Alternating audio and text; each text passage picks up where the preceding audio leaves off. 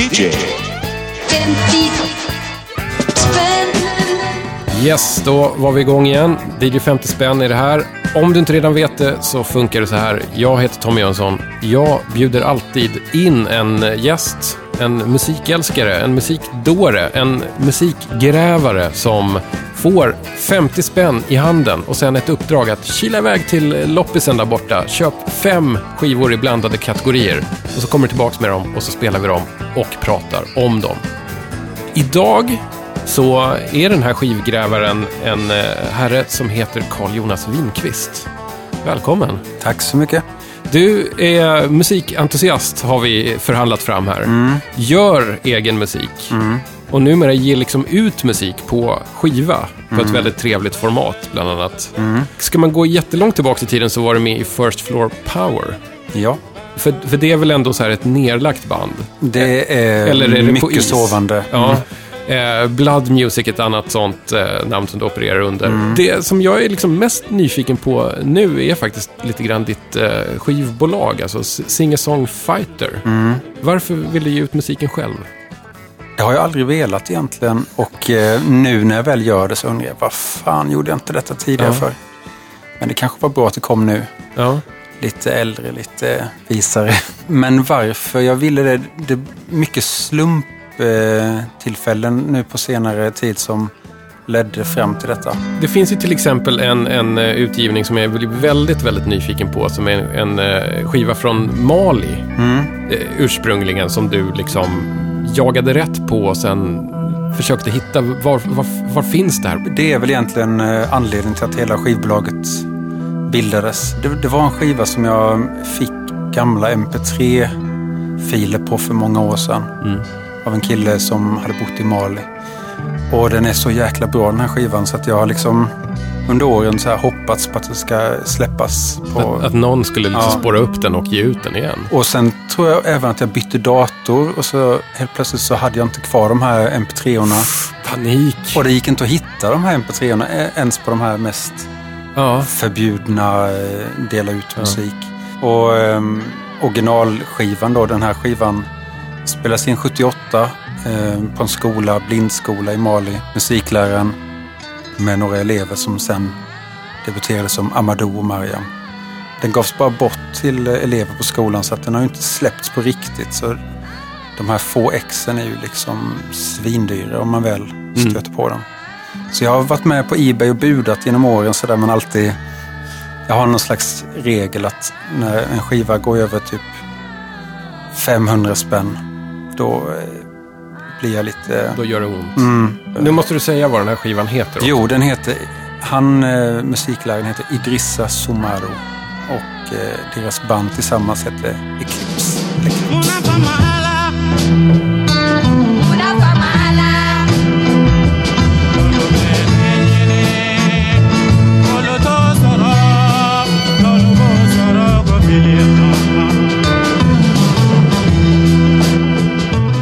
den haft olika titlar, albumtitlar.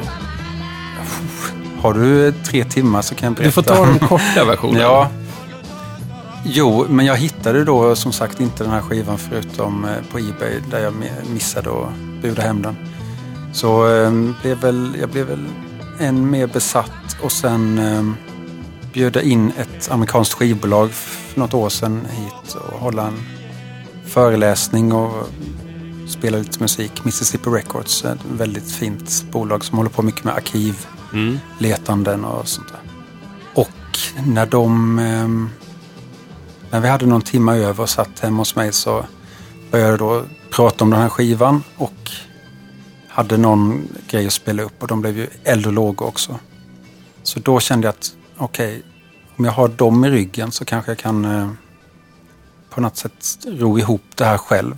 Ja. Så då började jag söka som en galning och kontakta folk i Mali. Och till slut fick jag tag på någon på Facebook som hade samma efternamn som sa jag, jag ska gå över till grannbyn här nästa, nästa vardag så ska jag liksom kolla om han kan höra av sig. Och, och sen var det någon som eh, ringde från, från Mali.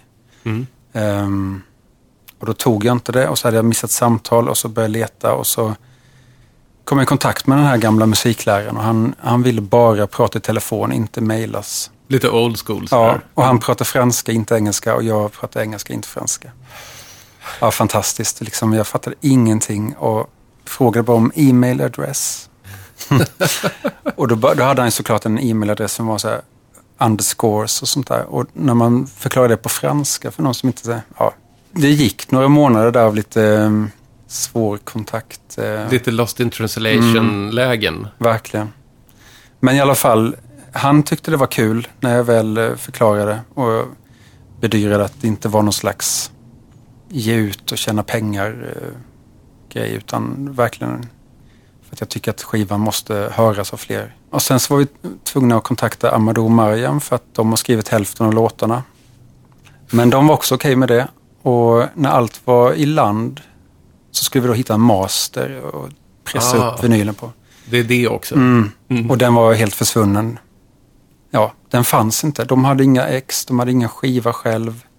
Vi började liksom kontakta skivsamlare världen runt som är, har mycket bra afrikansk musik. Och ingen nappade. Det var någon som återkom och sa att jag har ett väldigt slitet ex. Ja. Men det är ingenting man vill pressa upp. Nej, nej, nej, såklart. Så vi, vi höll faktiskt på att stupa där. Alla, alla var med, men vi hittade liksom ingen, inget bra, ingen bra källa att pressa det ifrån. Så sent en natt så satt jag liksom och gjorde ganska dumma Google-sökningar. Liksom la ihop olika professor, Afrika, expert och sådär. Mm. Och eh, kom på, eh, kom till någon sida, någon kvinnlig professor i Oxford som hade en ganska kaxig attityd. Det jag inte vet om musik från Mali och Senegal, det är inte värt att veta och sånt där. Så klart så frågade jag henne snabbt om hon kände till den här. Och då kom det ett svar direkt. Om det är någon i världen som har denna så är det min franska vän Florent. Eh, PS, han är ganska svår. Hälsa från mig. och så kontaktade vi honom och han eh, återkom och han visste mycket väl att han satt på något som, han hade då skivan i ospelat ex. Oj, ja. Så han sa att eh, jag lånar ut den en dag, jag vill ha 5000 och jag vill också skriva liner notes. Och, ehm, så, Det ehm, låter som att han liksom halade fram en redan färdig kravlista. Att han hade funderat Mm. Jo. på möjligheten att det här skulle kunna hända någon gång. Absolut. Så är det säkert med en del skivor, att det är någon som sitter och väntar på. Men i alla fall, nu är den ute och allt har gått bra och ja, Ja, men ett, ett litet äventyr att få den gjord i alla fall. Absolut. Då är jag lite sälj här, att den här går alltså nu, tack vare Carl Jonas, att köpa för vanliga pengar. Så jag tycker att Mm. support eh, en eh, äventyrlig eh, återutgåva som kanske lika gärna inte skulle kunna ha hänt, för det fanns många hinder på vägen. Mm. Hörru du, du har ju köpt fem skivor för en 50-lapp. Vad säger du om att vi går loss på den Mm. Ja. första av de här skivorna? gärna. Chansningen.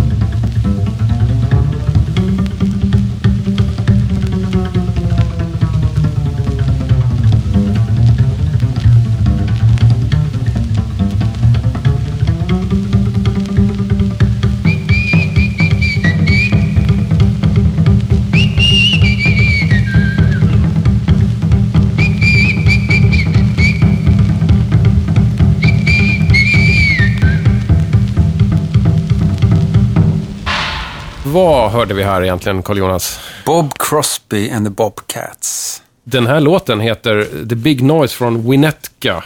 Ja, Eh, själva skivan som du har hittat är rätt fin, får man väl säga, rätt cleant designad eh, samling som heter Bob Crosby and the Bob, featuring the Bobcats. Their greatest hits. de hitsen kände jag inte till. Eh, Boogie Woogie Maxim. Man vet inte vad som har varit stora hits Nej. och vad som kanske inte var det när man kollar på låttitlarna. Ja, det är ju länge sedan. Eh, Jag tror att den här gjordes 37 eller något sånt där. Precis, utgivet på, på LP sen senare. Det jag vet om Bob Crosby, Mm. för, för att Bob Crosby featuring the Bobcats har varit med i ett tidigare avsnitt av DJ 50 spänn när Sunkit-mogulen Magnus Nilsson, Mm. a.k.a. Eh, Ny-Magnum, hade med sig en EP med några låtar med dem. Ja, Inför det då så var jag tvungen att kolla upp, vem, undrar vem Bob Crosby är? Och då visade det sig att, jo men det är ju Bing Crosbys brorsa. wow. Så att Bob Crosby är den lite mindre kända Mm. av Crosby-barnen. Som, som för övrigt var sju stycken. Så att det är en ganska stor syskonskara. Oj. Den här låten, Ja, jag jag trodde ju att Bob Crosby var eh, trummis och att det var han som svängde här i den här låten.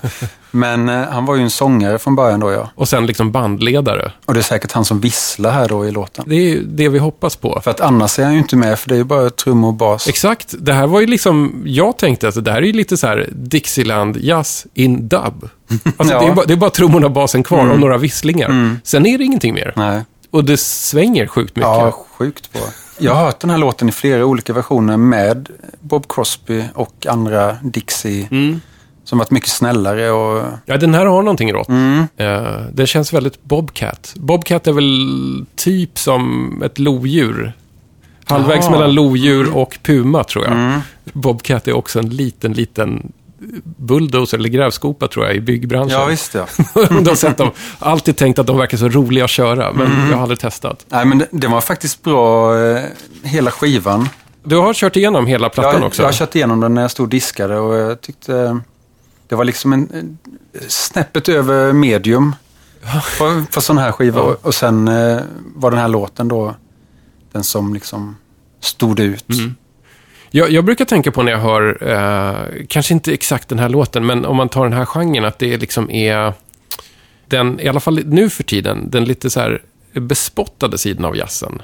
Alltså du vet traditionalistjazzen som är liksom Redan, redan här var det förmodligen det, det, där gamla som folk höll på med förr. Alltså jag tänker så här swing, Dixieland och sådär. Ja, men så är det ju när man letar skivor så är det ju en jättetunn gräns där mellan vad som hamnar i 10-kronorsbacken eller är Vad- rare, Ja, eh, precis. 380 spänn. Och, Ja.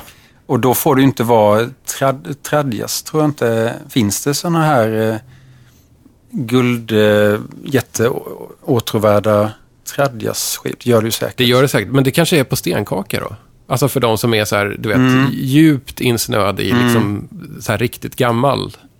Är du en jazzkännare? Nej, men jag har sen, under senare år börjat känna att liksom... Jag har väldigt svårt för mycket jazz, men eh, de få jazzskivorna som jag inte har svårt för, de är nog de jag lyssnar mest på. Så att det, det finns någon frihet i jazz som... Eh, jag tycker om också, eh, som i den här låten, när det är ganska avskalad jazz.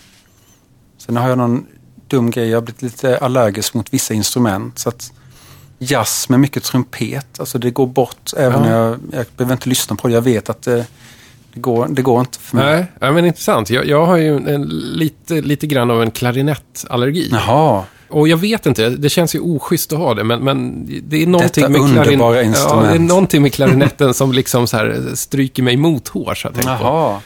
Trumpet Hur- är inte lika farligt Hur för mig. kan man ha det mot klarinett som är så varm och... jag vet inte om det kanske är det. Om, om trumpeten är aggressiv, så kanske Ja. jag uppskattar att den är lite ettrig, medan klarinetten är någonting liksom lite dumt, kan jag känna. Mm. Gud, nu får, men- jag får liksom världens klarinettister mot mig här nu. Menar du också basklarinett? Sävlig och... nej, nej, nej, den har jag inte riktigt tagit ställning till. Nej. Ja, men trumpet är för mig, eh, och framförallt inom jazz då, det går ju att spela så många toner om, de är, om man är skicklig och det liksom Mm. blir ett sånt jäkla drillande. Men jag kanske kommer till den fasen när... Eh, vad säger du om att vi hoppar vidare till eh, nästa kategori? Mm. Med nöje. Skivbörsklassikern.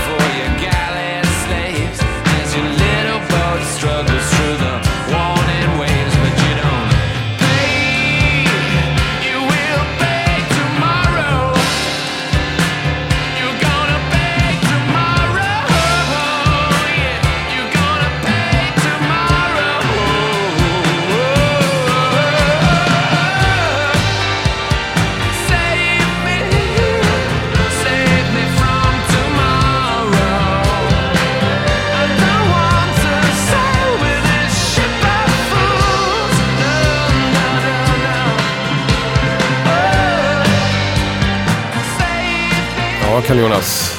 Vad är det för någonting som vi hör här egentligen? Nu hörde vi Carl Wallinger och hans eh, alias World Party.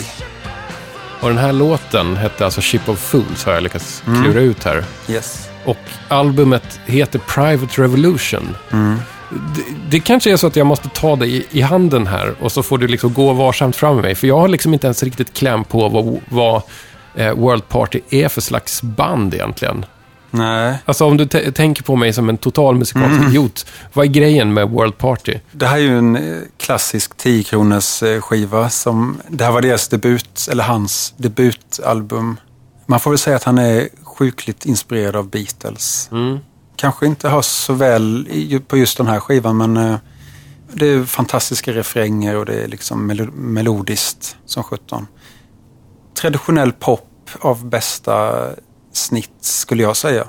Men ehm, ja, som en klassisk 10 kronors eh, skiva så har den kanske inte så det högsta anseendet. Nej. Hur, hur upptäckte du dem? Ja, skivan efter den här, som då är en 90-talsskiva. Han släpper typ en skiva var tionde år nästan. Ja. Då var det en hit som hette Put the message in the box. Som gick på MTV faktiskt då när man tyckte det var spännande. Så jag kunde ju sitta upp en hel natt bara för att få höra en låt som kanske skulle komma i något block. Och när den dök upp så dök den upp mitt bland ganska trista saker. Pratade om något positivt och den hade en jättebra refräng och jag fick bara en sån... Eh, jag blev helt hooked. Jag var på väg att flytta hemifrån och Så den sommaren så var World Party liksom bandet som jag upptäckte. Mm. Och sen har det varit en sån guilty pleasure kan man, man kan säga att jag har alltid liksom varit nyfiken på vad de gör var, ti, var Ja. tionde år. Klämmer de ur sig en, en platta då, var tionde år fortfarande? Mm. Vad gör den här Carl Wallinger de här andra nio åren? Alltså han är ju... Eller tar det tio år för honom att knåpa ihop en skiva? Jag tror att han, jag vet inte om han vill vara, men han är nog lite sån här, för sig själv i alla fall, en Brian Wilson som liksom, han har egen studio. Mm. Han skrev en låt, She's the One, som Robin Williams sen gjorde till en hit. Mm. Just det. Och det bekostade liksom att han kanske kunde ta det lugnt i några år till. Ehm, men ehm, ja, vi, går, vi har ganska mycket en lång historia, jag och Carl Wallinger. För jag har, dels så tycker jag, han, han är en av de bästa poplyrikerna. Hans texter är faktiskt inte bara traditionellt eh, kärlek och smärta, utan det väldigt politiskt på ett bra sätt. Och, ehm, han ehm, drabbades av en aneurysm, en sån här litet ehm, Är det någon slags blödning eller ja, propp eller sådär? blodkärl eh, som har Ja. twistat ihop sig. Så att han tappade förmågan att spela på höger hand och så då fick han lära sig spela på vänster. och så. Ja, okej. så Ja. det är ju också en tioårs eh, Förstås. anledning. Och då har jag också haft en sån aneurysm. Ja, fan det är en av mina få sådana här möten med musiker som har varit, eh, där jag verkligen känt mig som ett fan. Ja. För något år sedan så var jag i London av en slump. Så de spelar väldigt sällan live också. Då spelade de en konsert med de här gamla låtarna och då hamnade jag eh, bredvid honom efteråt och stod och pratade om blodkärlsoperationer. Eh, och, Ah. Så det gör ju också det hela ganska speciellt. Den här skivan kan förtjäna för att vara i 10 kronors backen.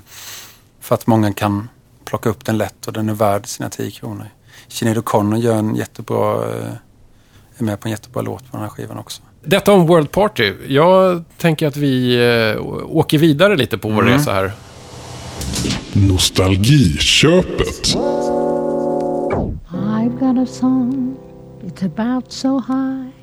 It's about this big around, it's got a wonderful sound. But I can't sing it. I've got a song, it's a shade of green, embroidered all over with birds,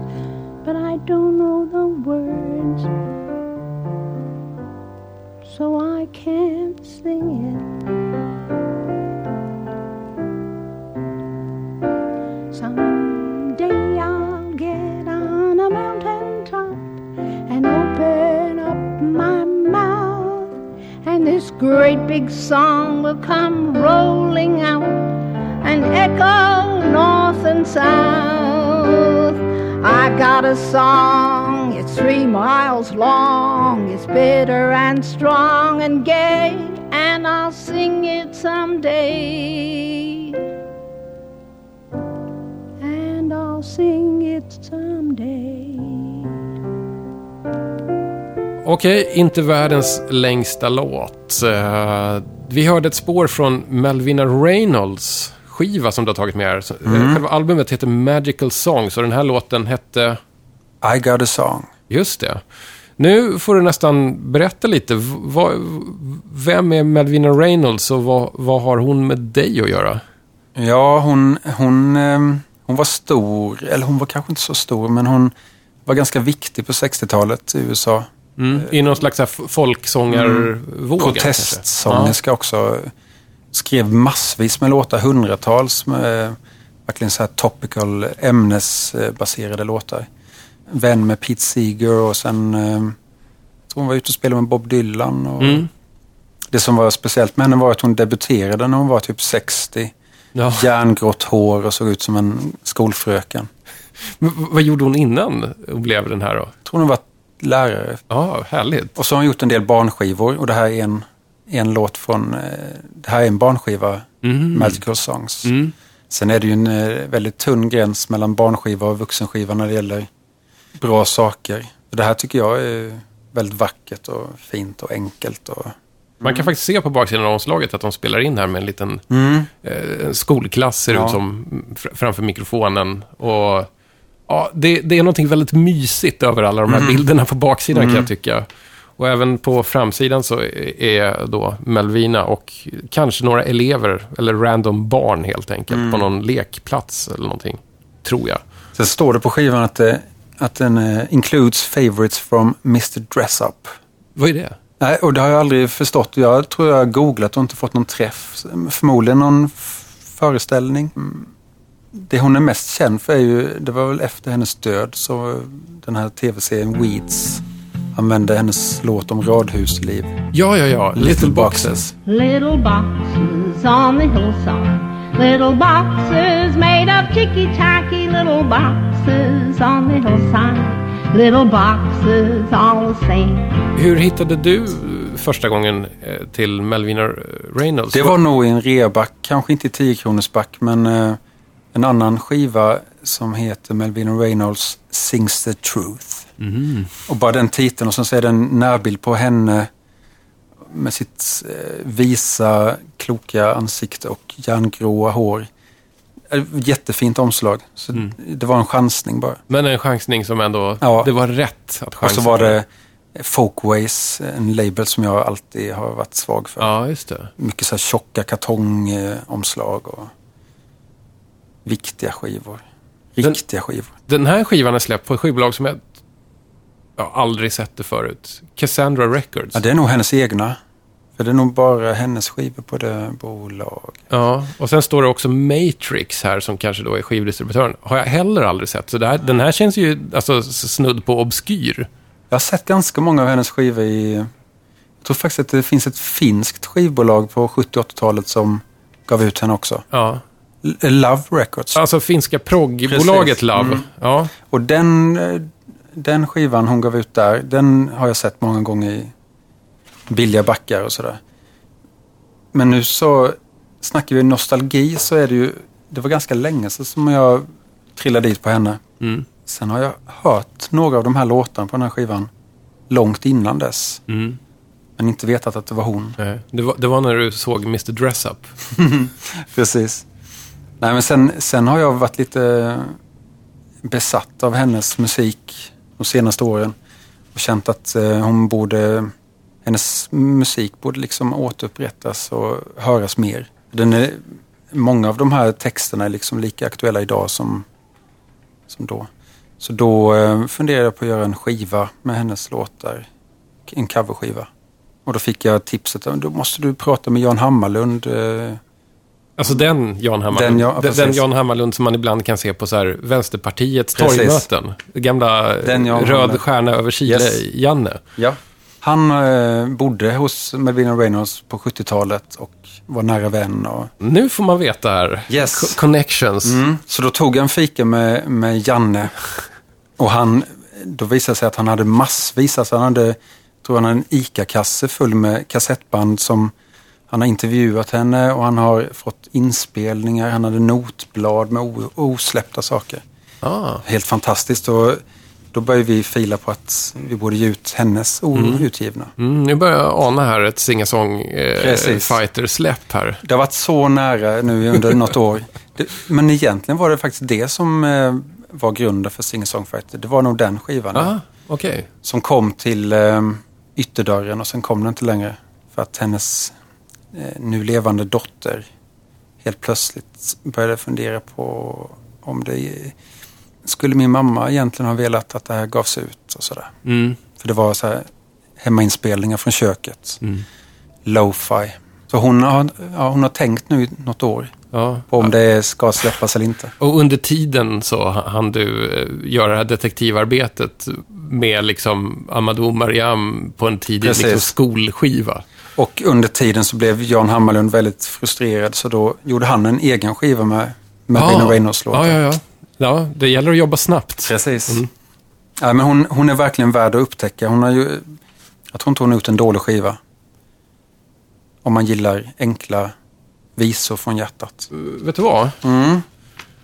Jag har en skiva här med trasigt omslag som jag blir mer och mer otålig på att få Ja, slänga på. den. Ja. Random Access Vinyl.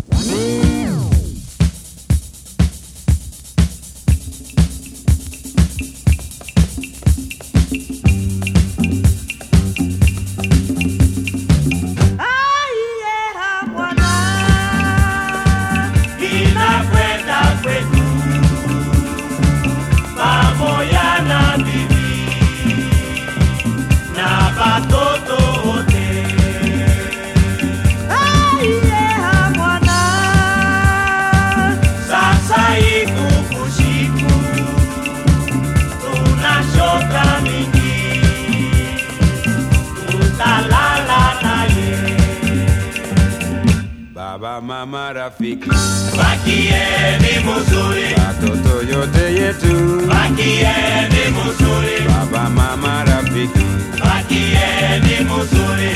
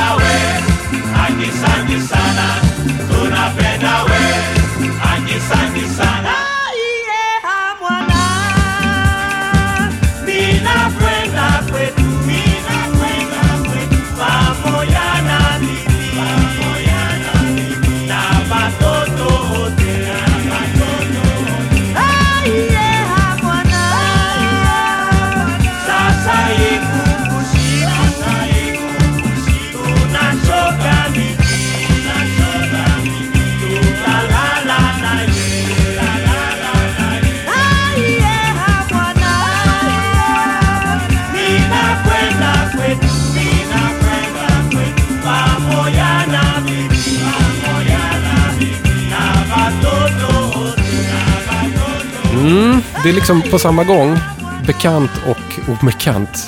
En del musik har ju, har ju den här grejen att man hör och man vet egentligen vad det är, men man vet inte vad det är samtidigt. Nej. Black Blood hörde vi med A.I.E. Amvana. Den här låten är ju också eh, utgiven av Bananarama. Det var Bananaramas första singel. Men alltså en, en cover på den här. Och jag är inte ens säker på att Black Blood har gett ut originalversionen av det här. Det kan ha varit en artist tidigare. Så kan det ju vara. Nu, nu var det ju ett trasigt omslag också så att jag har inte riktigt all information kanske. Det jag har lyckats klura ut är att det, det var en sån här märklig producentduo som heter Daniel Vanguard och Sean Klyger. Två eh, belgier som har skrivit låten. Black Blood verkar vara baserad i Belgien vad jag vet. Men kanske av, gissar jag på nu, killgissar. Ursprungligen kanske från Kongo eller från kongolesiska familjer i alla fall. Och det är ungefär så mycket jag vet om det här. Jag gillade hur den här lät. Du vet, det, det är den här känslan av att du seglar fram genom luften fast det fortfarande är liksom ett dansbit. Absolut. Det är faktiskt en kvalitet som oftast liksom kommer fram bäst på ja, olika delar av västafrikansk, centralafrikansk musik. V- Vet du något mer om de här? Nej, jag ser här nu att eh, Ralph Benatar spelar keyboards. Och hon Pat Benatar, kommer hon från, har hon någon belgisk koppling? Kan det vara hennes brorsa kanske? Som... Beats me. Man Ja. vill ju gärna att det ska finnas en sån koppling här. Men eh, nej, jag vet inte. Och sen bilden då som är här. Lite utsvängda byxor, eh, goa människor som ligger och myser i en soffa. Mm. Det var någon som eh, tyckte att det var lite Boney M över Black Blood.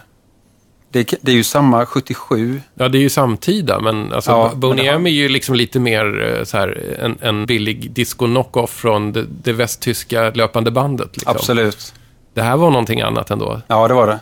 Jag kommer ihåg att jag hörde den här låten på eh, en bröllopsfest.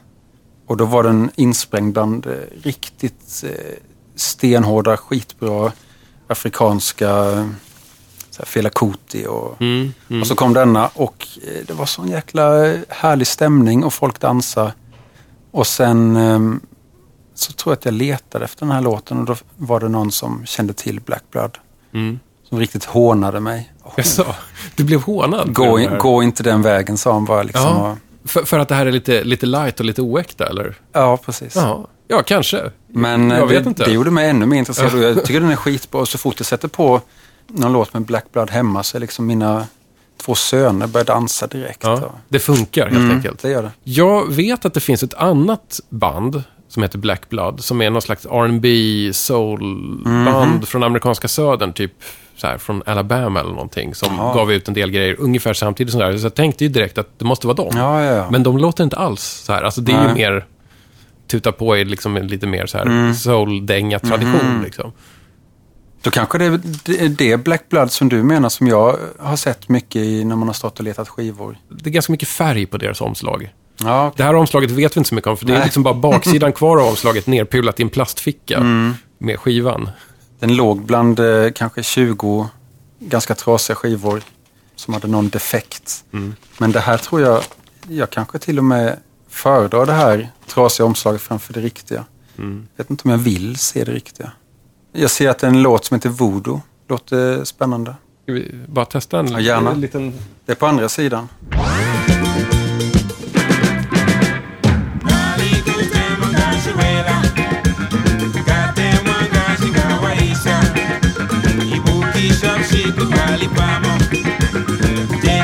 Jag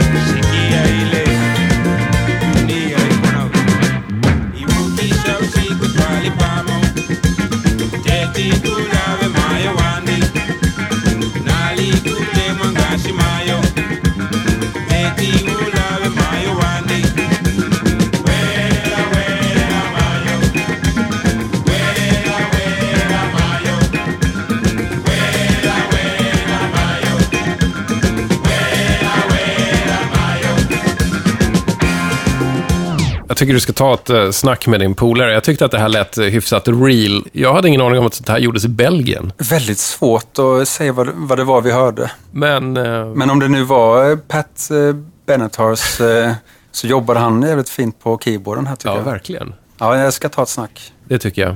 Nu är det så här. Det är en skiva kvar. Jag har kommit fram till... Fyndet.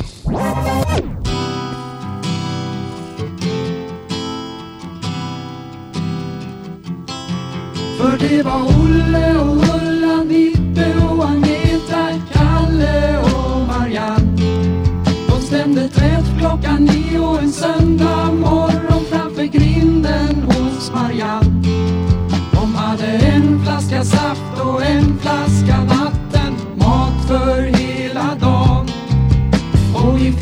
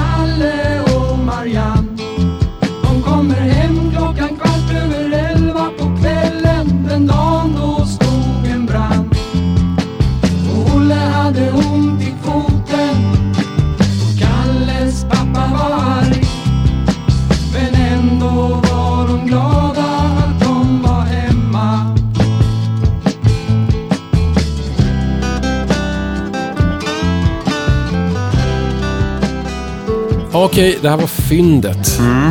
Vad är det vi hör här egentligen? Jo, det var James och Karin. Nu blir jag lite osäker på vad, vad heter skivan. Heter den Barnlåtar? Heter den? Ja, varför krångla till det? Ja. Mm. Albumet heter Barnlåtar. Lite grann av en barnklassiker. Mm. Och en jävla, jävla bra sån. Det är en barnskiva som också är ett solitt album. Mm. James Hollingworth och Karin Ljungman heter de. Det här var ju liksom deras eh, debut på skiva. Så mycket vet Visst, jag. Den är från 74 och varenda spår på den här skivan är bra. Även när det är liksom superbarnsliga låtar. Den här var ju liksom kanske den mogna låten Ja. på skivan. Det är lite Crosby, Stills, Nash Young. Undrar om det var det de tänkte när de gjorde den. Ja, men du har ju helt rätt i att det är den enda som... De andra är ju ganska... De är Har- lite, lite har du- roligare Har kanske. du grävt någon grop idag? Har du lärt dig något nytt idag? Vem har sagt att det är dumt att fråga? Man har väl rätt att undra, eller hur? Den är ju väldigt funkig. Men eh, hitten på den här skivan är väl Älgarna demonstrerar. Den låten är så stor att den har blivit begrepp. Att eh, alla vet vad det är för låt, även om de aldrig hört talas om James och Karin. Ja. Och så är det ju med skivomslaget också. Barnlåtar står det väldigt stort. Och Hollingworth och Ljungman står ju väldigt hemligt där under. Ja, det är inte det som är huvudsaken Nej. här helt enkelt. Jag har nog återupptäckt det här ganska sent. Eh, Jag har nog eh, varit en av de här barnen som lyssnade mycket på det här men som inte visste vilka James och Karin var. Det behöver man ju inte veta för att Nej. gilla musik heller ibland. Med egna barn också så märker jag ju att det här är ju liksom en av de bästa. Sen tycker jag det är ett fantastiskt omslag. De har väl kanske tänkt att barn ska kunna sugas in i det här Mm. omslaget om de lyssnar. Om Nej, de nu kan sitta still till den, det vet jag inte. Jag, jag fick ju nästan för mig att det var en samling det här men det är klart inte. Jag sitter och undrar liksom vilka, vilka de här var, för att idag hör man inte jättemycket om James och Karin. Nej. Det senaste jag läst om Karin Ljungman är att hon bor någonstans i Roslagen och då och då ställer ut akvareller. James Hollingworth var ursprungligen ljudtekniker på Sveriges Radio, men satt och liksom lirade lite gitarr mellan varven när han inte satt och rattade en sändning och blev erbjuden att göra barnprogram. Jaha. Och då gissar jag då att barnprogrammet sen ledde till att han jo- fick också gö- göra musik. Liksom. Ja, ja, ja. Eh, och sen vet jag att någon gång i början på 80-talet så lämnade han musikbranschen och flyttade till Bergslagen. Där han drev någon slags bygdegård, satsade på det som då kallades för desktop publishing. Oj. Alltså att formge med hjälp av dator, vilket då var liksom en helt sinnessjukt cool och ny idé. Det är ungefär så mycket jag vet. Annars så är det ju bara så att här hemma hos mig så åker James och Karin-skivorna fram ganska ofta. Nästan oftare att vi som är vuxna i hemmet vill lyssna på dem än barnen. Jag tycker det var ett jättefynd men eh, sen har jag letat efter andra skivor, Djurens brevlåda till exempel. Och den är ju svår att hitta nu. För att alla ex är ju sönderspelade. Det är ju något fint i det också. Om du skulle göra en barnskiva, Det ska jag faktiskt. vad har du för idéer där? Jag ska göra ett samarbete med en, eh, en kvinna. Så att det blir en duo. Mm. Så att exakt eh, vilken väg det kommer gå blir, eh, det får vi se. Men eh, det är många gropar man kan ramla i. Och liksom glömma bort att det riktas till barn, glömma bort att jag tycker det är väldigt kul och extra givande också om barn är med Ja, och spelar och sjunger. Och, ja, det kanske vore kul att göra någon cover på med Vino Reynolds eller James och Karin. Och, men sen så kanske man också ska lägga in lite tidsmarkörer som barnen k- kanske inte måste sjunga om eh, älgar på den här skivan som vi ska göra. Nej. Utan mer, eh, Sjunga om iPads. ja. Eh, du har också satt igång någonting som heter Second Hand Orchestra. Mm. Vad, vad, vad är det egentligen? Där är jag involverad eh, musikaliskt. Eh, Det är, oh, det är också en sån här lång historia. Men det är en instrumentalorkester. Från början var jag väldigt inspirerad av Moondog. Mhm. Vi hade någon tanke i början om att vi skulle välja vårt andrahandsval av instrument. För alla de här kompisarna som jag hade satt ihop till orkestern eh, är väldigt duktiga. Mm.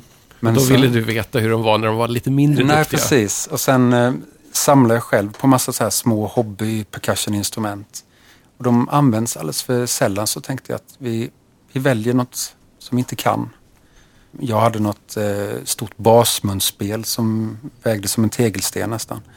Någon hade någon indisk banjo som var fantastisk. Men väldigt snabbt så gled det tillbaka till att man spelar sitt huvudinstrument och namnet behölls bara. Men eh, tanken var att vi skulle skriva musik till en dokumentärserie som var på gång att göras. Och det var väldigt vaga premisser och sen så föll det ihop ganska tidigt. Eh, den blev aldrig gjord, men vi fortsatte att spela och sen har jag tagit väldigt lång tid på mig, flera år, att samla ihop alla de här små skisserna som ligger. Och då, eftersom det här är DJ 50 spänn där vi eh, älskar eh, gammalt skivskräp så är ju skivomslagen härliga här. Att ni återanvänder gamla LP-omslag eh, och smackar på eh, Second Hand Orchestra Loggan. loggan på. Egentligen är varje omslag på något sätt unikt, fast massproducerat från början. Absolut. Och, eh, Väldigt artig på något sätt nu när jag säger det så här, men och väldigt simpelt också. ja. Och något som jag känner borde göras mer för att dels så får skivan ett andra liv. Det här var eh, 80 procent av alla de här omslagen var ju skivor som skulle slängas. Jag var runt i skivbutiker och fick liksom de här exen som ligger under disk som de ska liksom gå till grovsoporna med. som Ja, just det. fel. Och det har varit ett nörderi utan dess like nu i sommar. Jag har suttit hemma liksom och kollat, går den här återanvändaren? Är den lite för trasig? Och så har man fått massa känslor från de här omslagen. Man har liksom levt med dem på ett sätt som, ja, de- de betyder väldigt mycket. Så det, det är jättekul när, när, ett, eh, när jag säljer en skiva till någon eller ger bort. Veta att oj, nu gick han iväg med den som... Där du hade klistrat Second Hand Orchestra-loggan över Bruce Springsteens eh, Born in the USA, Röv till exempel. Innan du går så är det lite dags för mig att, att eh, bjuda tillbaka lite musik. Nu har du spelat dina fem. Då bjuder ju traditionen här att jag ska eh, ge dig lite James Last här så att du kan eh, dansa iväg härifrån med, med lätta steg. Det här är den senaste inköpta James Last-plattan. Eh, Hur många finns det då? av- Det finns hundratals. Men den, den här köpte jag för att det är ett samarbete med, med några, eh, verkar vara en flickgrupp på rullskridskor som heter The Rolling Trinity. Mm. Och det är ett konstigt att de heter Rolling Trinity för de är fyra. Don't ask. Är det några covers? Det, jag ser hur spännande covers han har. Med det så eh, tackar Ja. jag för musiken. Jag dansar. Hej då!